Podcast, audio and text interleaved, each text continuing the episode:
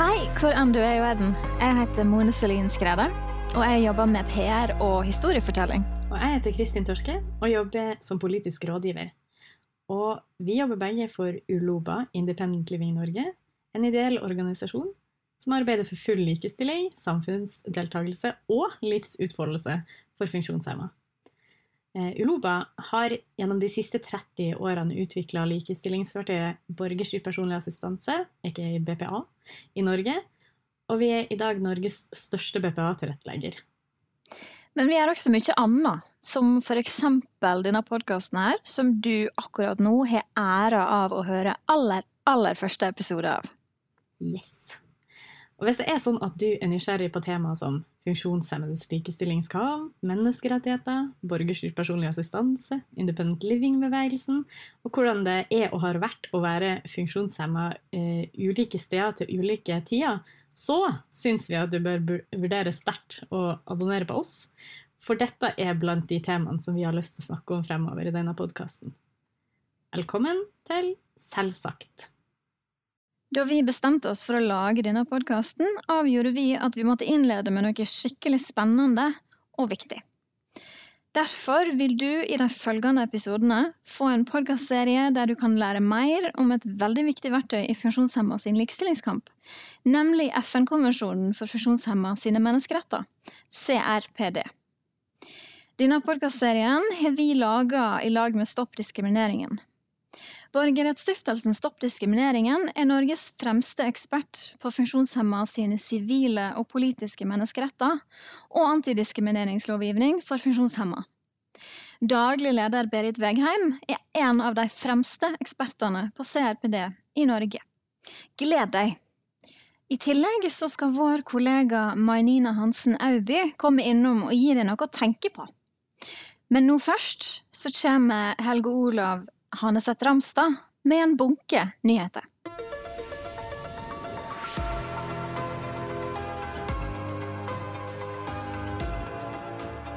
Kvinner som får mindre assistanse enn menn. En far i rullestol som fikk beskjed om at det ikke var mulig å gi ham likeverdig foreldreansvar. Og funksjonshemma foreldre som må bevise at de egner seg som foreldre. Dette var noe av det vi fikk høre om på Likestillingsbrølet 4. juni.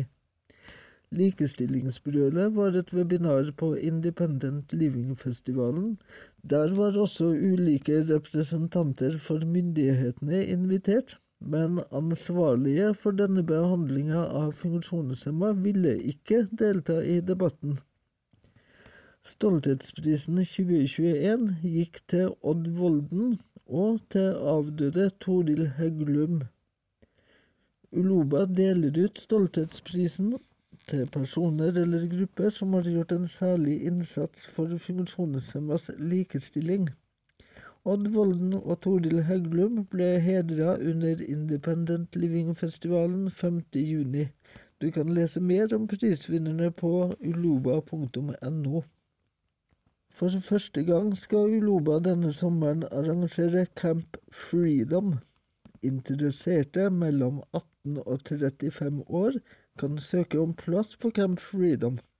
Leiren er inspirert av Camp Janet, som mange nå kjenner fra dokumentaren Crip Camp på Netflix, og som var med og danna grunnlaget for en aktivistbevegelse blant funksjonshemma.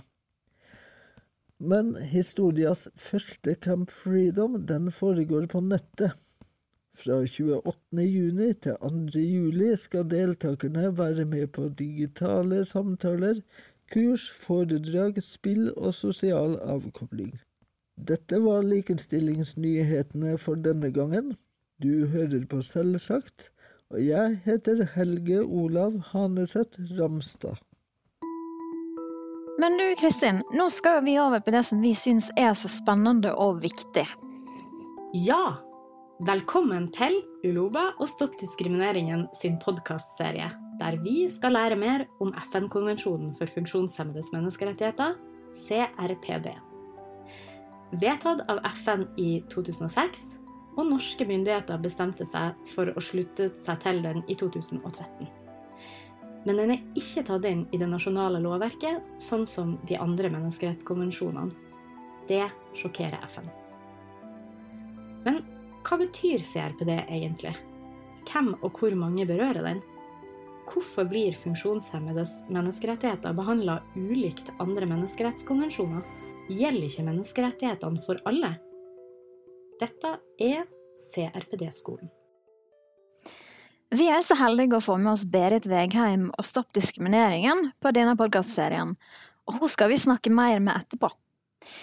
Men hvorfor skal vi snakke om CRPD i de neste episodene, Kristin? Jo, annet fordi politikerne i Stortinget den 9. mars i år hadde sjansen til å stemme ja til å ta CRPD inn i lovverket, sånn som FN etterlyser. Men de stemte nei for tredje gang på få år. Og vi må snakke om hvordan dette kan skje, om hvorfor det er så viktig at CRPD må inn i norsk lov, og om hva som må til for at det skal skje.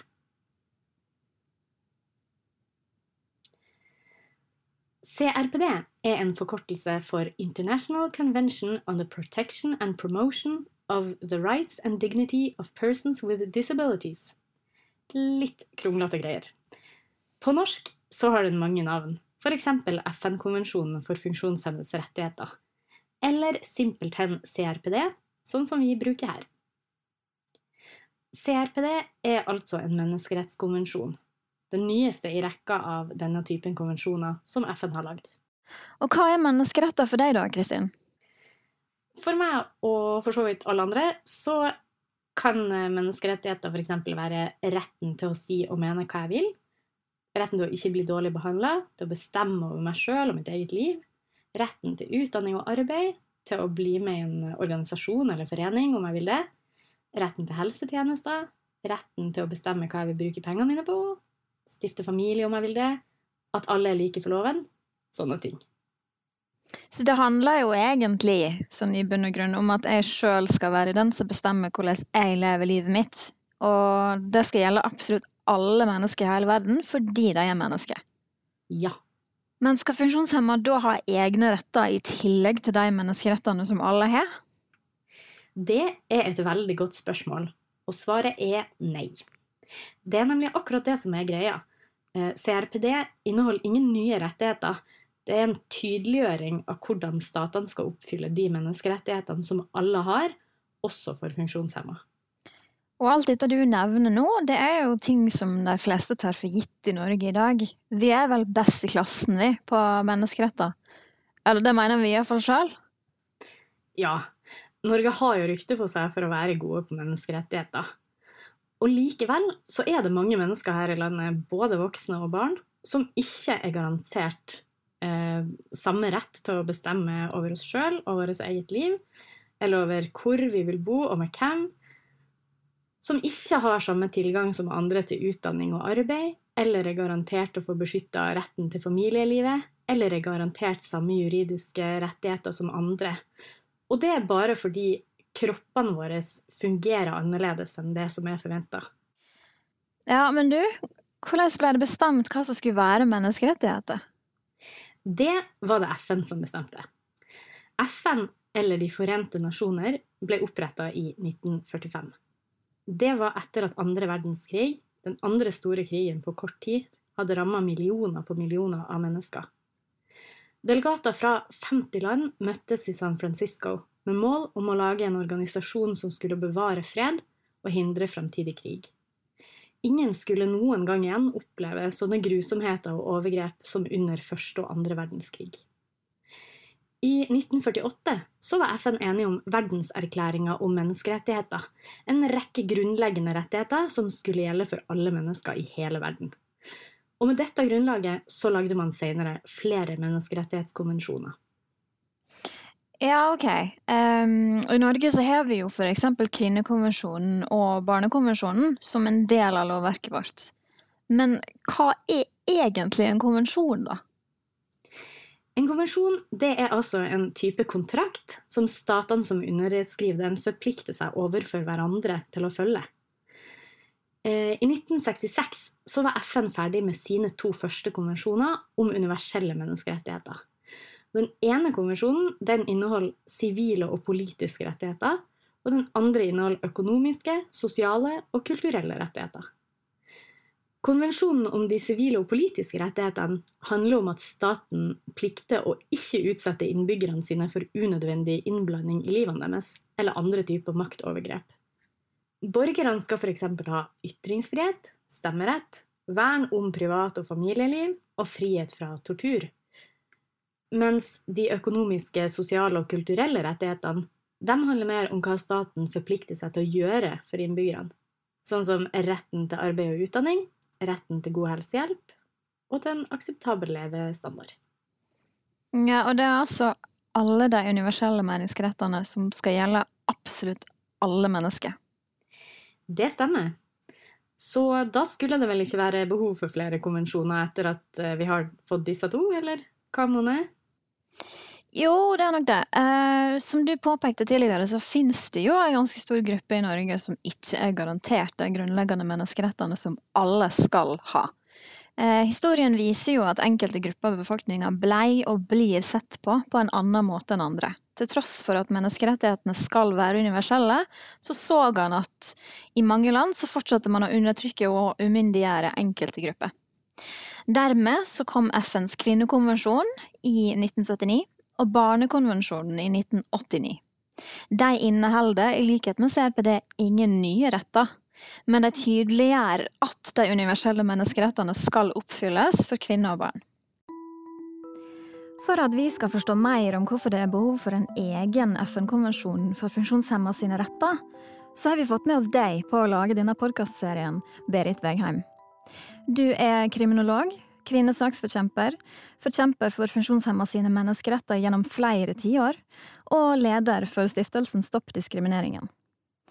Eh, vi har jo allerede så vidt vært inne på at funksjonshemma ikke er garantert å få oppfylt sine menneskeretter, verken i Norge eller andre plasser i verden. Eh, men litt mer inngående, hvorfor trenger vi egentlig CRPD? Jo, det skyldes rett og slett at da menneskerettighetsarbeidet startet rett etter krigen, så tenkte man eh, ikke så mye på funksjonshemmede.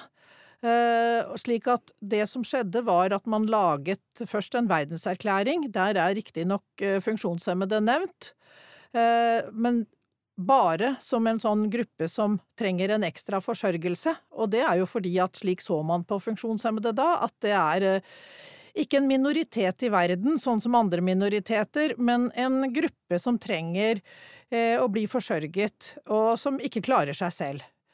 Og så lagde man jo da de menneskerettighetskonvensjonene som gjelder alle mennesker, og der nevner man opp veldig mange forskjellige minoriteter og eh, grunnlag, som det heter, altså kjønn og rase og farge og opprinnelse, nasjonal opprinnelse, språk osv. Og, og heller ikke der nevnte man funksjonshemmede.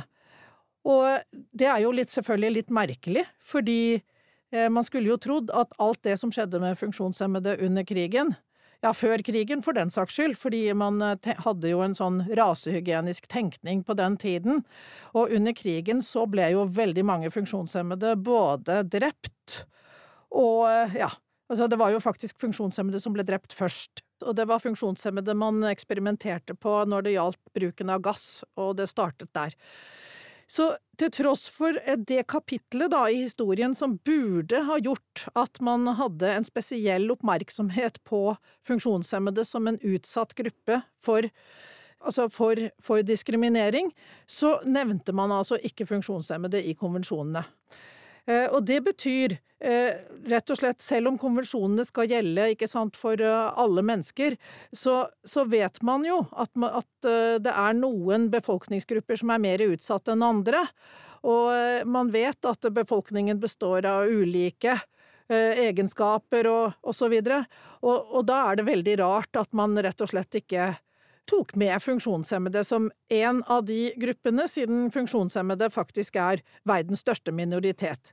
Men som jeg sa, man tenkte ikke på funksjonshemmede som en minoritet.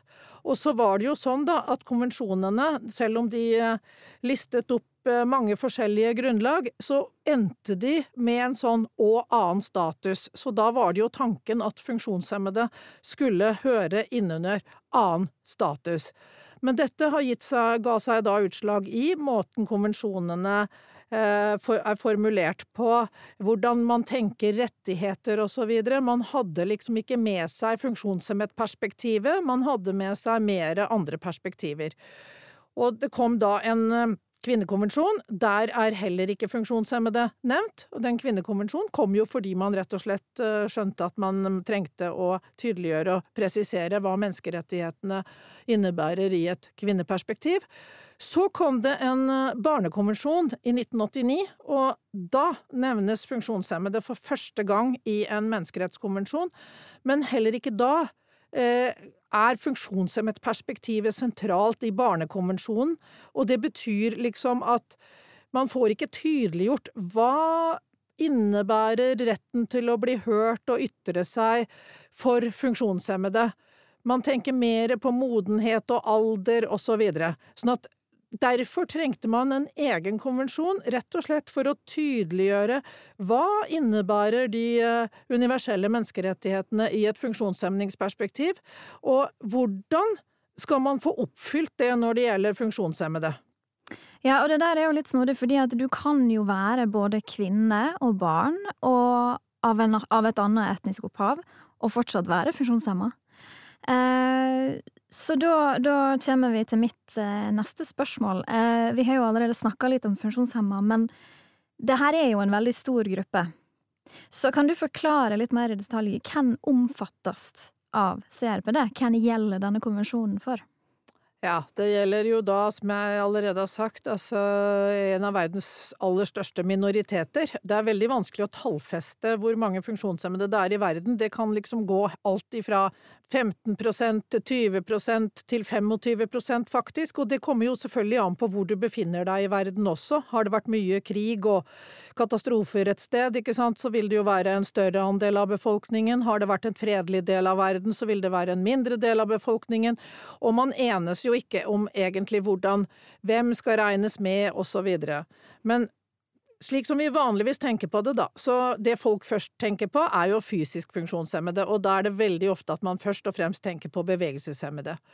Eh, men så tenker man på folk som ser dårlig og hører dårlig, og så tenker man på utviklingshemmede, men også folk med andre kognitive funksjonsnedsettelser som ADHD, Tourette så videre, som har blitt mer fremme nå, kanskje, i det senere. Så har folk afasi og demens, og så har vi alle de som kommer inn under betegnelsen psykososiale funksjonsnedsettelser, som også er en stor gruppe. Ja, eh, så hvis man, hvis man, har demens, så er man funksjonshemma, altså? Ja, det regnes faktisk inn under det, fordi du blir jo veldig hemmet i å fungere når du har eh, demens, i forskjellig grad, da. Og det, og, og, det er jo også sånn at uh, folk med de store folkesykdommene, som man kanskje ikke ofte tenker på, men altså de store folkesykdommene, det vil også være folk som ofte har eh, ikke sant, fått en funksjonsnedsettelse. Ikke nødvendigvis, men ofte så vil det være det. Mm. Eh, og, og, du snakker jo om eh, psykososial funksjonsnedsettelse. Eh, men disse ordene er jo ikke alltid så enkle å skjønne. Hva er en psykososial funksjonsnedsettelse for noe? Ja, det er det man før kalte først og fremst eh, i Norge, da, eh, sinnssyk. Og så eh, kalte man det psykiske lidelser, det gjør man jo fortsatt, psykiske lidelser og psykisk sykdom osv.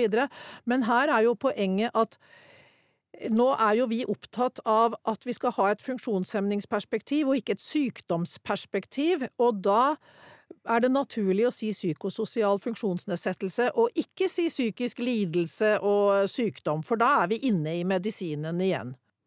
Ja, kan ikke du gi meg et eksempel? Jo, vi kunne jo sagt folk med øyesykdommer, men vi sier jo synshemmede når vi snakker om funksjonshemmede. En veldig vid gruppe, med andre ord. Um, så det jeg lurer på da, er jo uh, For Norge anser seg jo som veldig gode på menneskeretter så bryter Norge menneskerettighetene når det gjelder funksjonshemma, og i så fall på hvilken måte? ja, det er eh, Jeg holdt på å si eksemplene står jo i kø her, da. Eh, vi bryter det egentlig på mange måter, men for å ta det litt sånn overordnet Det Norge og veldig mange andre land har størst problem med, det er nettopp dette å frigjøre seg fra dette medisinske perspektivet.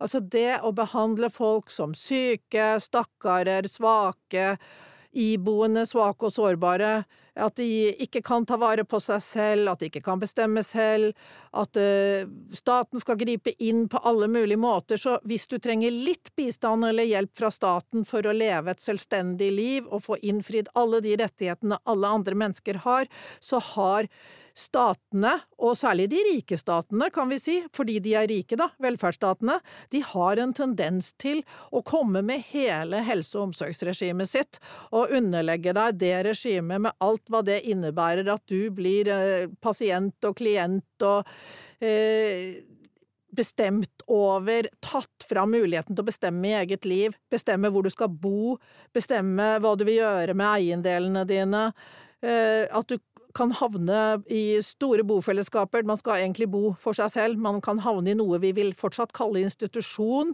Eh, man blir segregert på skolen, osv. Altså, det skjer ting så fort du trenger noe bistand, eh, så klarer på en måte ikke staten å skille mellom da menneskerettighetene og denne helse- og omsorgsperspektivet sitt, som sitter veldig rodfestet. Så du Staten overtar deg liksom med hud og hår, selv om du ikke har behov for det. Men når du, når du sier eh, segregering i skolen, hva tenker du på da? Ja, det er faktisk slik i dag at det er flere som er tatt ut av klasserommet enn, eh, og, og har undervisning separat, enn da man hadde spesialskoler før i tiden, og det er jo de færreste som vet. Så det er faktisk ganske vanlig at når du trenger hjelp på skolen, noe bistand, så blir du tatt ut av klasserommet, og til og med så finnes det i dag ikke, sant, ikke bare egne grupper på skolen og egne baser, som det kalles, men det finnes også egne skoler. Ja, så da, da blir jo mitt neste spørsmål, fordi Norge vi er jo en velferdsstat, og vi er ganske stolte av den velferden. Vi er stolte av at vi kan gi mennesker den hjelpa de trenger, hvis de trenger det. Eh, så da, da, skulle man jo tro at det at ettersom vi har kvinnekonvensjonen og barnekonvensjonen i norsk lovverk, at vi kunne gjøre det samme med CRPD. Så da lurer jeg på hva står det på når Norge ikke vil gjøre CRPD til norsk lov?